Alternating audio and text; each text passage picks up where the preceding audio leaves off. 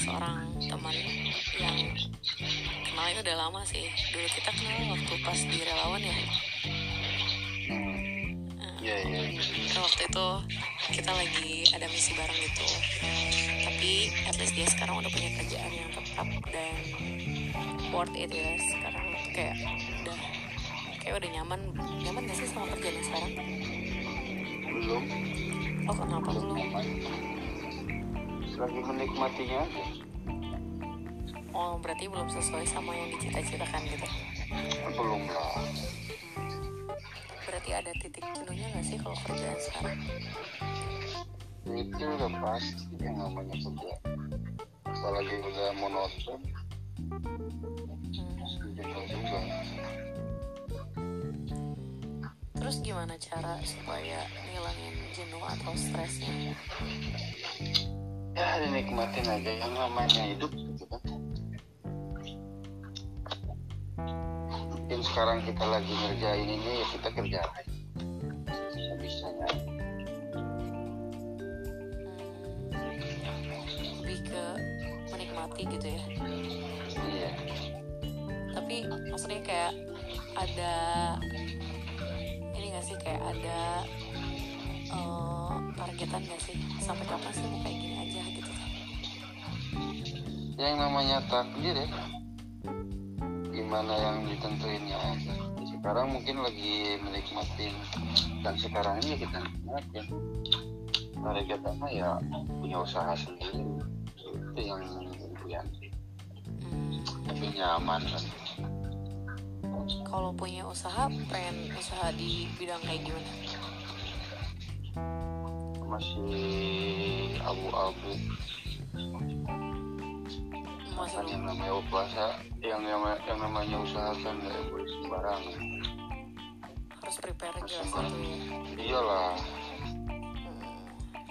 tapi btw dulu nih ya kita waktu zaman zamannya di relawan tuh kayak lebih asing gak sih? Mana ya? Mungkin kebanyakannya santai ya. Jadi asik gitu ini. Ya diasikin aja. Lebih asikin aja kalau aku kayak lebih enjoy dengan yang dulu ya gitu. Nah kalau mungkin sekarang banyak aturan bagaimana? Aturan. Bukan aturan sih kayak lebih waktunya terbatas aja sih. Hmm. ya mungkin kalau zaman dulu yang namanya lingkungan kerja kan kita nggak satu titik sekarang kita di mana minggu depan nggak tahu kita nggak di situ lagi ah iya tapi sih Oke, yang oke, dinikmatinya di situ. Tapi kan banyak tantangan baru. Tapi pekerjaan sama yang pekerjaan yang sekarang sama yang dulu juga kalau misalkan A sendiri kan sama gitu teh maksudnya. Nggak di satu titik tapi kan ruang lingkupnya itu terus kalau nggak wilayah Cikampek ya wilayah Cikedung itu itu aja. Paling tantangannya gimana kita kalau misalkan apa ya nangani kecelakaan. Nah, itu tantangannya. Dalam artian kita kan nggak tahu nih posisi kecelakaannya seperti apa. Posisi korbannya seperti apa kondisinya seperti apa yang penting tantangannya di situ berapa tahun berarti sih kerja di situ? Ya alhamdulillah udah mau lima tahun. Udah mau lima tahun ya? Iya iya iya. Tapi ya, dari segi rekanan kerja ngebuat maksudnya mensupport banget kita buat nyaman gak sih? Yang namanya manusia ya. Hmm. yang namanya manusia yang bikin nyaman ada yang bikin jengkel banyak iyalah apalagi ditambah aturan-aturan yang nggak jelas gitu. Apalagi sekarang perusahaan kan udah diganti nih. Perus- perusahaannya kan udah diganti Nah, oh bukan itu lagi? Bukan udah sebagian besar diambil alih sama Astra. Oh. Otomatis kan aturan-aturan baru muncul. Ya katakan menurut pengalaman yang dulu ya perusahaan dulu nggak masuk di angka lah. Cara kita kerja yang dulu sama cara kita kerja yang sekarang.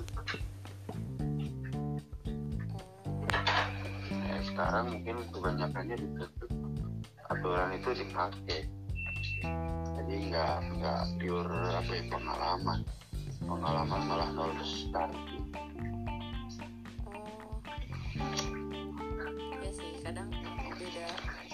atasan beda juga hmm, ya. tapi asli aku nanya nih how to manage your stress gitu ketika emang aduh pernah gak sih satu hari yang ngerasa hectic banget gitu ngerasa sibuk banget gitu?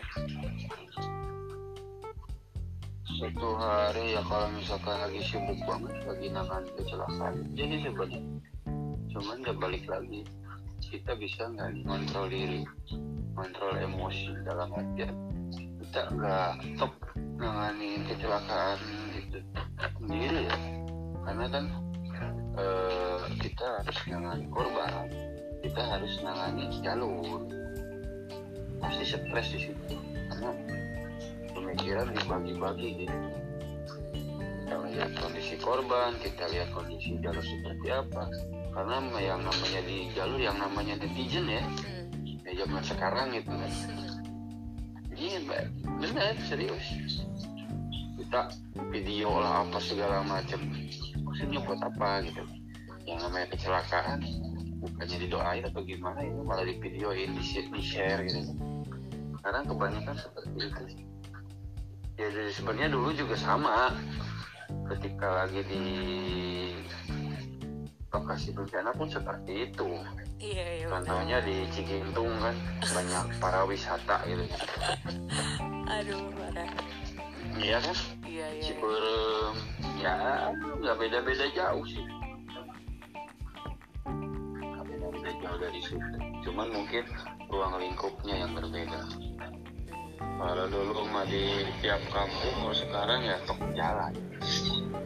Dengan risiko yang sama besar iya nyawa ya. Iya. iya. Nyawa orang lain nyawa orang nyawa, nyawa kita juga. Ya relate sih. Nyambung gitu ya. Oh ya just for information jadi yang gue wawancarai sekarang ini adalah petugas patroli. Tol ya? Eh iya nggak sih? Ya, ya, patroli tol patroli tol jadi beliau ini dulunya teman waktu pas di eh, kebencanaan tahun berapa ya kita bareng? 2012 gitu. 2013 Oh iya 13 yang pertama tuh yang di Cigintung Nah tapi beliau sekarang udah kerja di patroli tol At least sama aja mungkin ya Kalau misalnya dia relate gitu dari keba- kebencanaan atau kemanusiaan Yang tapi on the spot gitu. Benar-benar pure bencana alam. Tapi kalau misalnya sekarang nanganinnya yang bencana alam juga ya Apa bencana jalanan gitu? Eh, human error. Human error ya kesalahan manusia aku nanya nih sekarang terkait kerjaannya. Biasanya nih kalau misalkan di tol kayak gitu kecelakaan yang ter yang teramat fatal itu karena apa sih? Ya balik lagi ke manusianya. Sanggup nggak kita jarak jauh? Oh jadi banyaknya faktor kelelahan gitu? Iya. karena yang namanya Cipali ya Cipali itu tol jenuh lelah. Titik lelahnya di Cipali. Hmm, kayak yang dari Jakarta yang dari Tangerang ya capek-capek dari Jak Jakarta di Kampek Jakarta di Kampek masuk Cipali apa ya bahasanya? Monoton lurus kebanyakan. Oh.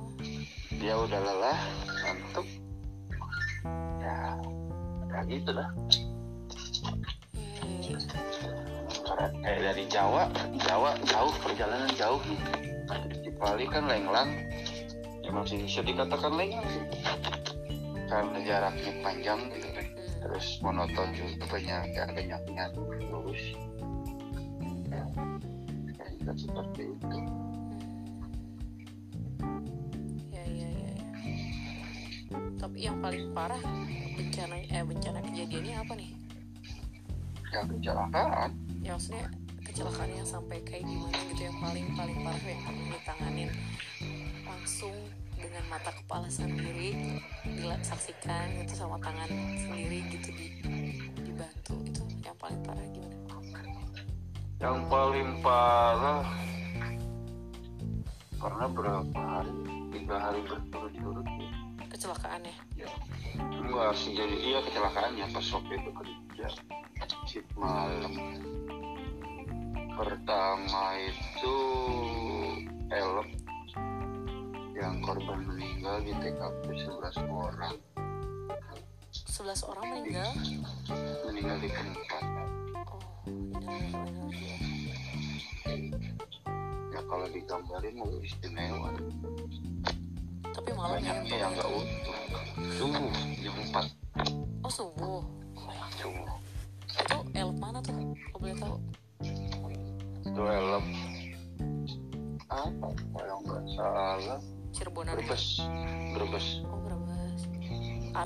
elap ini elap apa? Namanya elap gelap restoran. Oh nah dikatakan human errornya gini yang namanya elap kapasitas orang berapa gitu kan. Hmm. sedangkan waktu itu ada kalau kalau nggak salah kurang lebih 19 orang belum lagi barangnya. 19 orang? Belum lagi barangnya. Beda kapasitas berapa? Kapasitas paling berapa orang? 16 gitu. Itu berapa lah. oh. Itu kan udah error kan istilahnya. Udah overload kan. Iya iya iya. Dia dari mana? Dari Jakarta? Dari Jakarta.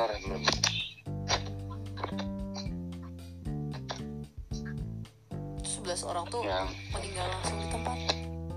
Iya meninggal langsung di tempat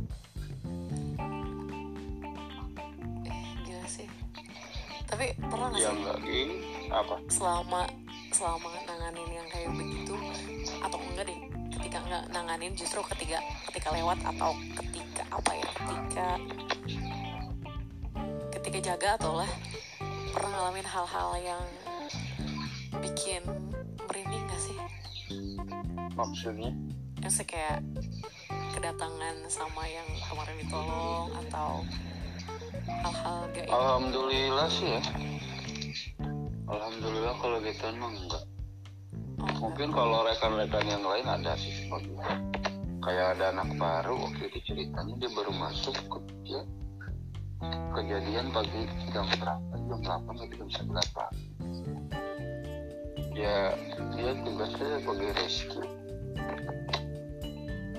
nangani eh, kejepit si bapaknya. Oh, iya. tahu-tahu pas dia pulang tidur ya kan kan masuk pagi jam pulang jam 2 Ah, dia malamnya tidur katanya sih si bapak yang ditolong tolongin datang. Ngapain? Datang ke kosan. Ya intinya dia ucapkan terima kasih mungkin ya. ah karena iya pas nah, karena pas kita kan waktu di TKP langsung dibawa ke rumah sakit. Langsung nanyain kabar dari ke orang medis. Ternyata si bapak emang udah nggak ada.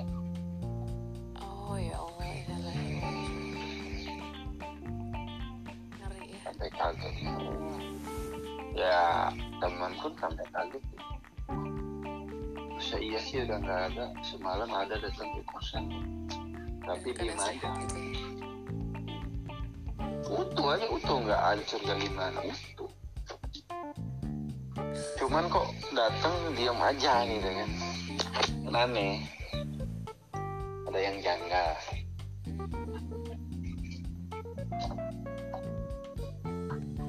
Tapi kalau A sendiri nggak pernah ngalamin ya?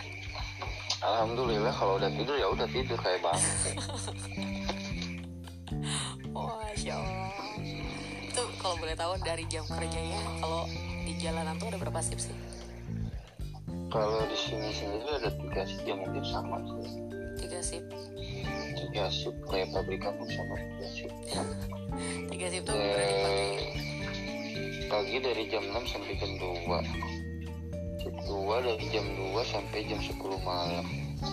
Shift 3 dari jam 10 malam sampai jam 6 pagi. Berarti itu kerjaannya mondar mandir di jalan gitu. Kayak orang nggak jelas. Ya jelas dong kan ada tujuannya. Apa tujuan? Ya monitor jalan kan? Iya kan ada ujung balik lagi ke ujung. Balik lagi ke ujung kan nggak jelas.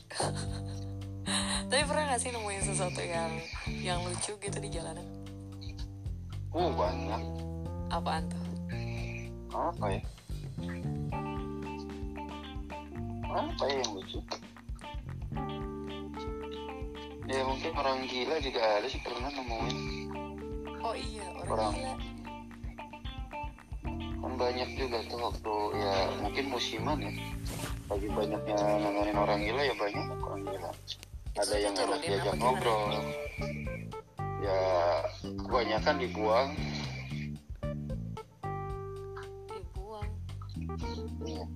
karena ya mungkin dari dinasnya kan dia nggak mau nanganin karena nggak ada penampungan ya. Hmm. jadi dia dimasukin ke mobil pribadi karena katanya mobil box. Dibuang di tol satu satu satu. Oh gitu. Iya. Ya kita mau nyalahin nyalahin ke siapa gitu. Terus nanti penanganan dari tolnya gimana tuh ya kita keluarin keluar gerbang intinya steril steril jalan kan. Sekarang akan dari daripada mati konyol tol gitu kan. Ini nyari makannya di luar yang Ya, kadang dari luar pun dia masukin lagi ke tol. Dari tol diulang keluarin lagi gitu. Ya tapi kan kalau misalkan pun ada orang gila gitu di tol kan bahaya juga kan ya iya.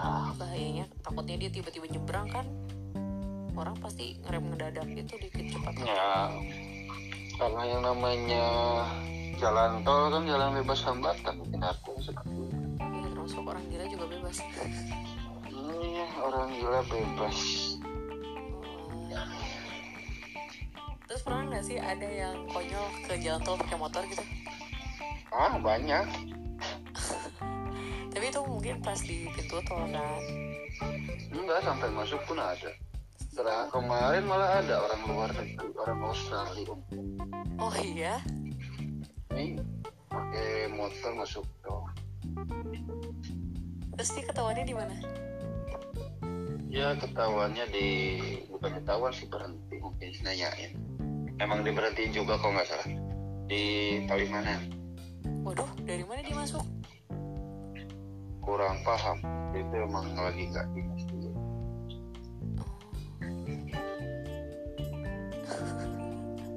ada-ada aja Ya banyak malahan kalau misalkan tiap hari H kayak lebaran banyak kok motor pada masuk tuh oh iya dari dinas ya dari instansi tersebutnya rekannya bahasa mungkin dari kewilayahan dari kepolisian kan pada masuk tol ya pakai motor. Oh. Itu tuh emang kan? diperbolehkan ya kalau untuk instansi gitu? Ya nggak tahu lah ya. Mungkin mereka punya aturan sendiri punya cara main sendiri. Oh gitu. Kan mereka mereka yang bikin aturan tapi ya bahasanya mungkin untuk perbantuan ya. Bahasanya seperti itu. perbantuan maksudnya? Ya perbantuan ngepam oh. Tapi pakai motor. Iya. Ah gila sih itu. Ya bukan gila lagi liar. Wah wah wah, wah. berarti kalau misalnya pakai motor itu dia bebas bayar tol dong enggak lah. Oh tetap oh, maksudnya gratis nggak bayar. Iya. Berarti bebas gitu? Ya bebas. Padahal pegawai tolnya aja pakai mobil ya. Ya daripada dia bayar mungkin mungkin ya tapi nggak tahu sih. Emang tiap musim lebaran udah pasti banyak motor ya mungkin mungkin mungkin di wilayah mana ada ada kemacetan dia bisa langsung mantau kalau pakai mobil kan kalau udah macet ya udah stuck dia nggak bisa jalan dengan tenang oh alibinya ke sana kali ya. Ya mungkin ya karena kalau jalan kaki takutnya kurus kali. Oh iya iya iya. bisa bisa seru. Ya ngobrolin masalah ya seru gitu tapi kalau ngomongin kan kita nggak pernah ngalamin makanya di lewat channel podcast ini eh gue mau sharing gitu. Tentang sih kayak another job yang jarang banget orang tahu gitu. Ngapain aja sih? Maksudnya kok toh sampai harus dijagain. Ternyata ya banyak kejadian kejadian yang emang unpredictable gitu. Kayak truk terguling karena kecepatan tinggi kah? Atau mungkin memang human error yang overload lah? Atau mungkin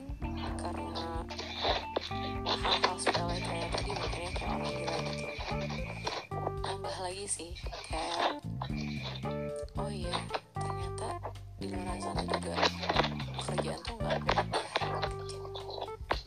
kalau tadi kata A bilang kuncinya adalah menikmati ya. Hmm,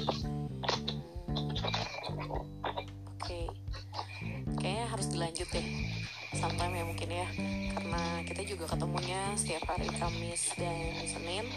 So podcast ini gue buat buat ini thank you so much for listening oh ya makasih juga untuk malam ini Uh, mudah-mudahan nanti soon kita bisa ngobrol lebih banyak lagi ya tentang pengalaman oke kita Oke, cukup sekian. Uh, gue tutup podcast kali ini. See you next uh, podcast. Salam.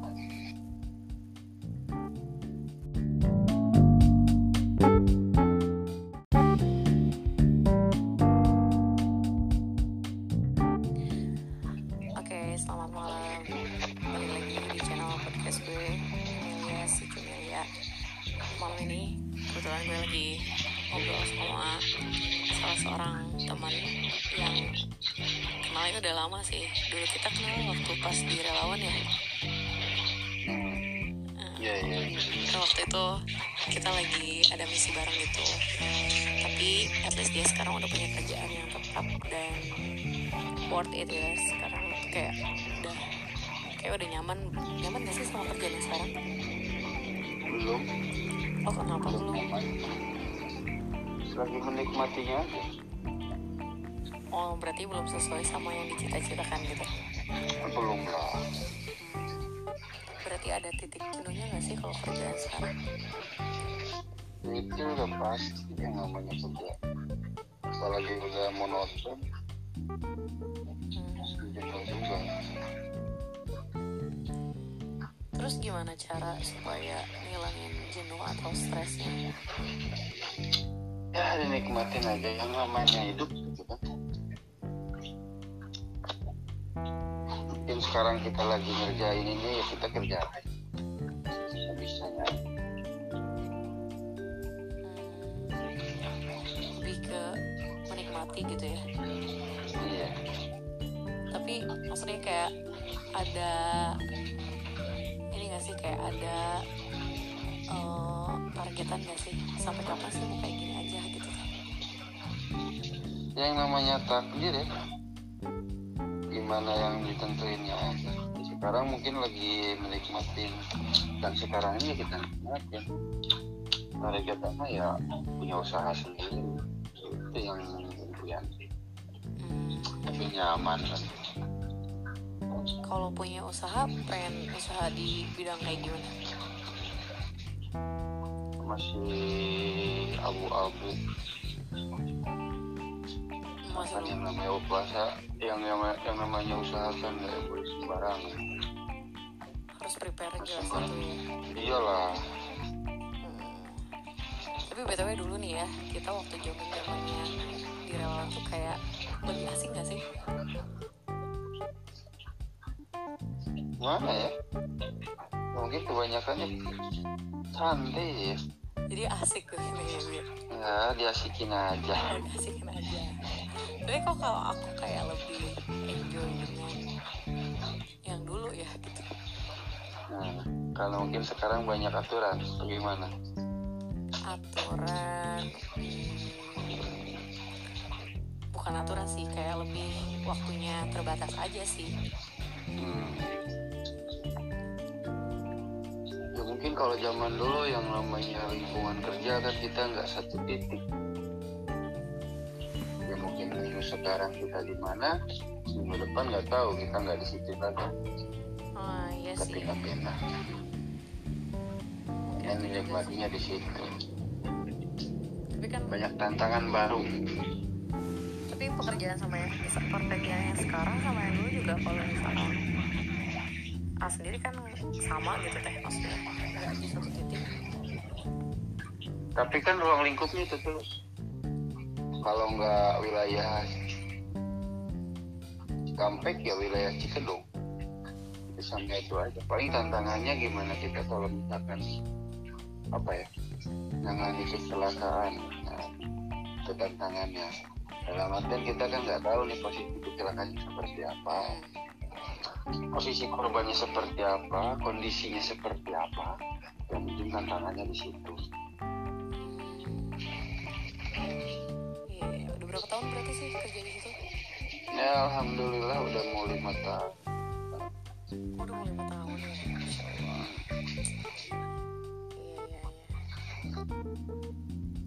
tapi ya, dari segi rekanan kerja ngebuat maksudnya mensupport banget kita buat nyaman gak sih Yang namanya manusia ya, Hmm. yang namanya manusia yang bikin nyaman ada, yang bikin jengkel banyak. Iyalah, apalagi ditambah aturan-aturan yang nggak jelas gitu. Apalagi sekarang perusahaan kan udah diganti nih. gimana perusahaannya Perus- perusahaannya kan udah diganti. Nah, oh bukan itu lagi bukan, udah sebagian besar diambil alih sama Astra. oh otomatis kan aturan-aturan baru muncul ya katakan menurut pengalaman yang dulu ya perusahaan dulu nggak masuk di angka lah. Cara kita kerja yang dulu sama cara kita kerja yang sekarang. Ya, sekarang mungkin kebanyakannya ditutup aturan itu dipakai. Jadi nggak nggak pure apa ya pengalaman. Pengalaman malah nol besar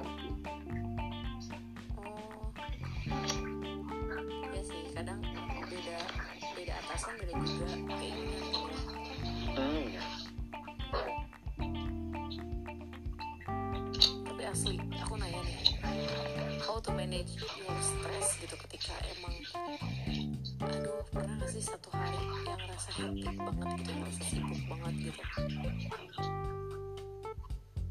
Satu hari ya kalau misalkan lagi sibuk banget lagi nangan kecelakaan. Jadi sebenarnya. Cuman ya balik lagi kita bisa nggak kontrol diri kontrol emosi dalam artian kita nggak top nanganin kecelakaan itu sendiri ya. Karena kan eh, kita harus nangani korban. Kita harus nangani jalur. Pasti stres di situ. Karena pemikiran dibagi-bagi gitu. Kita lihat kondisi korban kita lihat kondisi jalur seperti apa. Karena yang namanya di jalur yang namanya netizen ya. Hmm. ya zaman sekarang itu kan. Ini mbak benar serius. Kita video lah apa segala macam maksudnya buat apa gitu. Yang namanya kecelakaan. Bukannya didoain atau gimana ini malah di videoin di di share gitu. Sekarang kebanyakan seperti itu ya jadi sebenarnya dulu juga sama. Ketika lagi di lokasi bencana pun seperti itu. Iya iya contohnya di Cigintung kan banyak para wisata gitu. Aduh parah. Iya kan iya iya iya. Ciberem. Ya nggak beda-beda jauh sih. Nggak beda-beda jauh dari situ. Cuman mungkin ruang lingkupnya yang berbeda. Kalau dulu mah di tiap kampung kalau sekarang ya tok jalan. Dengan risiko yang sama besar. Iya nyawa ya. Iya. Nyawa orang lain nyawa nyawa, nyawa kita juga sih nyambung gitu ya. Oh ya just for your information jadi yang gue wawancari sekarang ini adalah petugas patroli tol ya. Eh iya gak sih? Ya, ya. Patroli tol. Patroli tol. Jadi beliau ini dulunya teman waktu pas di eh, kebencanaan tahun berapa ya kita bareng? 2012 2013 oh iya 13 yang pertama tuh yang di Cigintung nah tapi beliau sekarang udah kerja di patroli tol at least sama aja mungkin ya kalau misalnya dia relate gitu dari kebencanaan atau kemanusiaan yang tapi on the spot gitu. Benar-benar pure bencana alam. Tapi kalau misalkan sekarang nanganinnya yang bencana alam juga ya apa bencana jalanan gitu Eh, human error. Human error ya kesalahan manusia aku nanya nih sekarang terkait kerjaannya. Biasanya nih kalau misalkan di tol kayak gitu kecelakaan yang ter apa ya yang teramat fatal itu karena apa sih? Ya balik lagi ke manusianya. Sanggup nggak kita jarak jauh? Oh jadi banyaknya faktor kelelahan gitu? Iya, karena yang namanya Cipali ya, Cipali itu tol jenuh lelah, titik lelahnya di Cipali. Hmm, Kayak yang dari Jakarta, yang dari Tangerang ya capek-capek dari Ja- Jakarta di Kampek, terus dari Kampek masuk Cipali, apa ya bahasanya, monoton, lurus kebanyakan. oh Dia udah lelah, ngantuk, ya, ya gitu dah. Kayak dari Jawa, Jawa jauh perjalanan jauh nih. Di Bali kan lenglang, ya masih bisa dikatakan lenglang sih. Karena jaraknya panjang gitu. Hmm, Terus monoton juga banyak ya banyaknya lurus. Ya, kayak seperti itu. ya ya ya ya. tapi yang paling parah bencana eh bencana kejadiannya apa nih Ya kecelakaan. ya maksudnya kecelakaan yang sampai kayak gimana gitu yang paling paling parah yang perlu ditanganin langsung dengan mata kepala sendiri disaksikan gitu sama tangan sendiri gitu di dibantu itu yang paling parah gimana Yang paling parah karena berapa hari? Tiga hari berturut-turut ya. kecelakaannya Enggak sih jadi iya kecelakaannya pas waktu itu kerja shift malam. Pertama itu elep yang korban meninggal di TKP 11 orang. 11 orang meninggal? Meninggal di tempat oh ya kalau digambarin mau istimewa. Tapi malam ya? Banyaknya yang nggak utuh. Subuh jam 4 oh subuh? Subuh tuh kalau boleh tahu itu elep apa? Kalau nggak salah. Cirebonan ya? berbes berbes oh Brebes. Arah. Elapnya elap ini elap apa namanya? Elap gelap restoran. Nah dikatakan human errornya gini yang namanya elap kapasitas orang berapa gitu kan. Hmm. sedangkan waktu itu ada kalau kalau nggak salah kurang lebih 19 orang belum lagi barangnya. 19 orang. Belum lagi barangnya. Beda kapasitas berapa? Kapasitas paling berapa orang? 16 gitu. itu berapa? Oh. Itu kan udah error kan istilahnya. Udah overload kan? Iya iya iya. Dia dari mana? Dari Jakarta? Dari Jakarta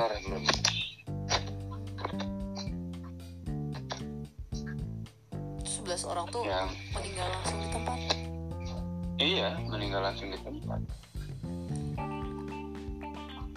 Eh gila sih. Tapi pernah nggak ya sih? enggak gini apa? Selama selama nanganin yang kayak begitu atau enggak deh ketika nggak nanganin justru ketika ketika lewat atau ketika apa ya ketika ketika jaga atau lah pernah ngalamin hal-hal yang bikin merinding gak sih? Maksudnya? Yang kayak kedatangan sama yang kemarin ditolong atau hal-hal gaib Alhamdulillah sih ya. Alhamdulillah kalau gitu emang enggak. oh, Mungkin kalau rekan-rekan yang lain ada sih seperti itu. Kayak ada anak baru waktu itu ceritanya dia baru masuk kerja kejadian pagi jam berapa jam 8 atau jam 9 pagi ya dia tugasnya sebagai rescue nangani eh, kejepit kan si bapaknya. Oh tahu-tahu pas dia pulang tidur ya kan kan masuk pagi jam pulang jam 2 Ah, dia malamnya tidur katanya sih si bapak yang ditolong tolongin datang. Ngapain? Datang ke kosan. Ya intinya dia ucapkan terima kasih mungkin ya. hai karena pas nah, karena pas kita kan waktu di TKP langsung dibawa ke rumah sakit. Langsung nanyain kabar dari ke orang medis. Ternyata si bapak emang udah nggak ada. Oh ya Allah ilaihi raji'un. ngeri ya. Sampai kaget. Ya teman pun sampai kaget. Masa iya sih udah nggak ada? Semalam ada datang ke kosan. Tapi diem aja. gitu. Utuh aja utuh. Nggak hancur nggak gimana? Utuh. Cuman kok datang diam aja gitu kan. Aneh. Ada yang janggal.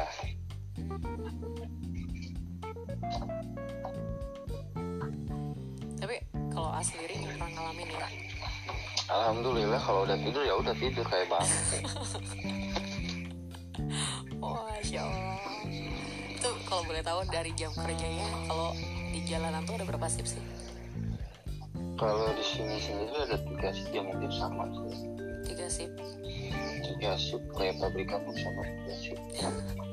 Tiga shift tuh berarti pagi Eh, pagi dari jam 6 sampai jam 2 shift 2 dari jam 2 sampai jam 10 malam. Shift 3 dari jam 10 malam sampai jam 6 pagi kerjaannya mondar mandir di jalan gitu. Mm-mm, kayak orang gak jelas. Ya jelas dong kan ada tujuannya.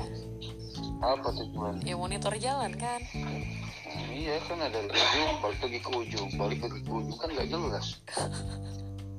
Tapi pernah gak sih nemuin sesuatu yang yang lucu gitu di jalanan? Uh banyak. Apaan tuh? Apa ya? Apa ya yang lucu ya mungkin orang gila juga ada sih pernah nemuin. Oh iya orang, Orang. gila. Kan banyak juga tuh waktu ya mungkin musiman ya. Lagi banyaknya nanganin orang gila ya banyak orang gila. Ada Itu yang enak turunin diajak ngobrol. Ya kebanyakan dibuang. Dibuang. Iya. karena ya mungkin dari dinasnya kan dia nggak mau nanganin karena nggak ada penampungan ya. Jadi dia dimasukin ke mobil pribadi taruh contohnya mobil box. Dibuang di tol satu satu satu. Oh gitu. Iya. Ya kita mau nyalahin nyalahin ke siapa gitu. Terus nanti penanganan dari tolnya gimana tuh? Ya kita keluarin. Keluar gerbang Intinya steril steril jalan kan. Sekarang akan dari daripada mati konyol tol gitu kan. Ini nyari makannya di luar lagi. Ya, dan kadang dari luar pun dia masukin lagi ke tol. Dari tol diulang keluarin lagi gitu. Ya tapi kan kalau misalkan pun ada orang gila gitu di tol kan bahaya juga kan ya. Iya. Bahayanya takutnya dia tiba-tiba nyebrang kan orang pasti ngerem ngedadak itu dikit cepat. Ya karena yang namanya jalan tol kan jalan bebas hambatan mungkin aku seperti itu Iya, termasuk orang gila juga bebas. Iya, orang gila bebas. Oh. terus pernah nggak sih ada yang konyol ke jalan tol pakai motor gitu? Ah banyak. Tapi itu mungkin pas di pintu tol kan? Enggak sampai masuk pun ada Setelah kemarin malah ada orang luar negeri orang Australia. Oh iya? Ini pakai motor masuk tol terus dia ketahuannya di mana? Ya ketahuannya di bukan ketahuan sih berhenti. Mungkin nanyain. Emang diberhentiin juga kok nggak salah. Di Palimanan waduh dari mana dia masuk? Kurang paham. Itu emang lagi nggak dinas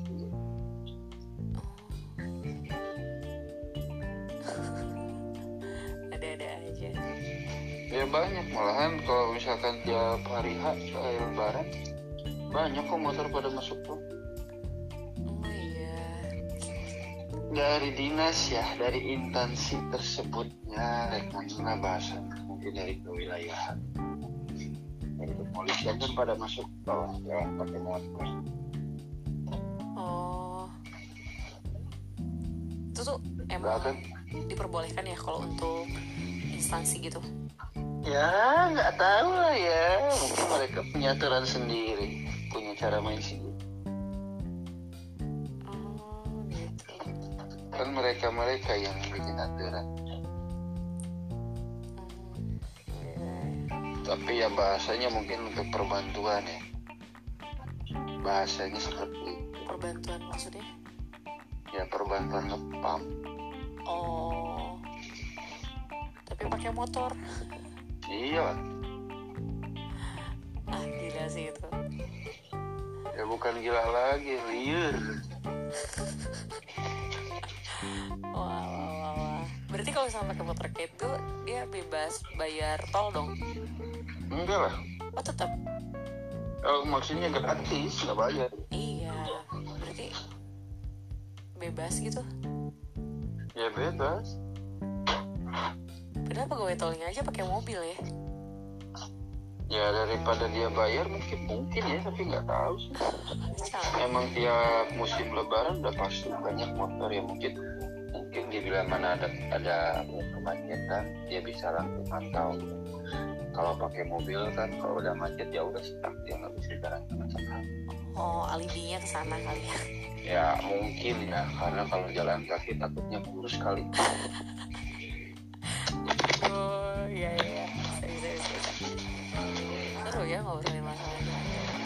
ya seru. Gitu tapi nggak tahu ngomongin kan kita nggak pernah ngalamin makanya di lewat channel podcast ini eh gue mau sharing gitu tentang sih kayak another job yang jarang banget orang tahu gitu.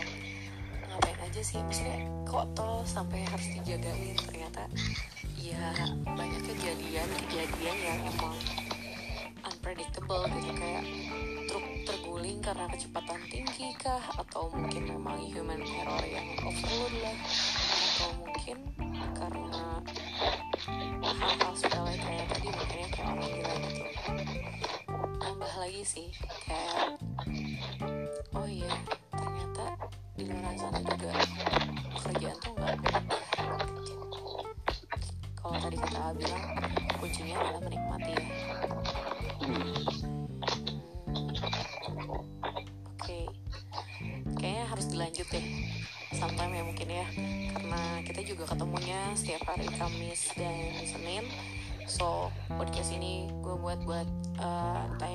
malam ini thank you so much for listening oh ya makasih juga untuk malam ini Uh, mudah-mudahan nanti soon kita bisa ngobrol lebih banyak lagi ya tentang pengalaman kita oke Oke, cukup sekian.